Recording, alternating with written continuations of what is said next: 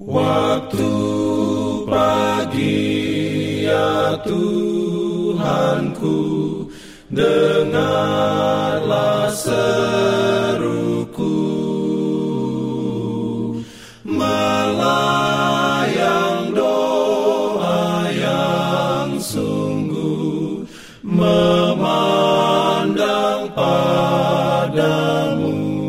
Selamat pagi pendengar Radio Advent Suara Pengharapan. Mari mendengarkan suara Tuhan melalui tulisan pena inspirasi Bersama Allah di waktu fajar.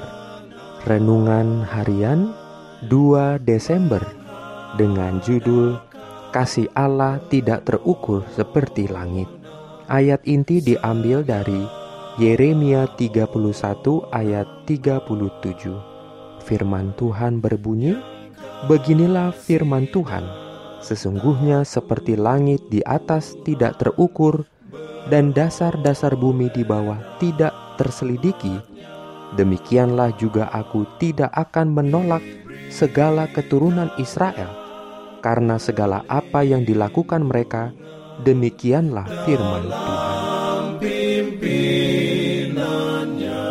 Urayanya sebagai berikut. Pelangi yang membentang di langit dengan lengkungan cahayanya adalah suatu tanda dari perjanjianku yang kekal antara Allah dan segala makhluk yang hidup. Dan pelangi yang melingkari tahta di surga juga adalah tanda bagi anak-anak Allah mengenai perjanjian damainya. Sebagaimana pelangi di awan merupakan hasil perpaduan sinar matahari dan hujan, Demikianlah pelangi di atas tahta Allah menggambarkan persatuan rahmat dan keadilannya. Tetapi kuasa Allah masih terus dijalankan untuk memelihara benda-benda ciptaannya, bukan oleh sebab mekanisme yang sekali saja digerakkan, lalu terus-menerus bekerja dengan tenaganya sendiri, sehingga nadi berdenyut dan napas dihirup berulang-ulang. Setiap hirupan napas setiap denyutan jantung merupakan bukti pemeliharaannya oleh siapa kita hidup dan bergerak serta memiliki wujud kita.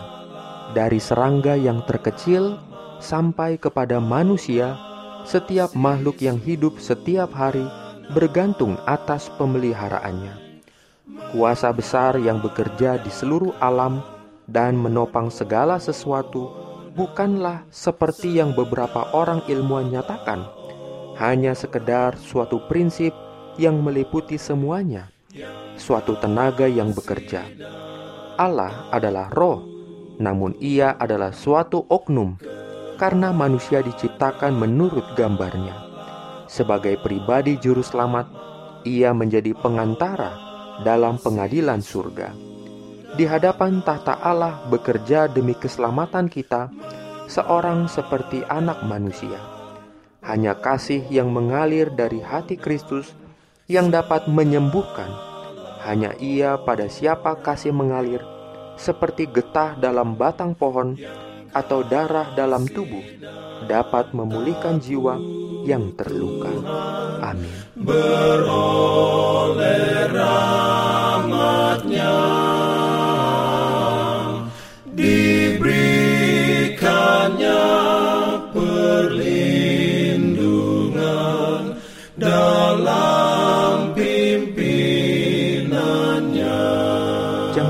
Untuk melanjutkan bacaan Alkitab sedunia. Percayalah kepada nabi-nabinya yang untuk hari ini melanjutkan dari buku Dua Raja-Raja pasal 10. Selamat beraktivitas hari ini. Tuhan memberkati kita semua. Ratakanlah jalan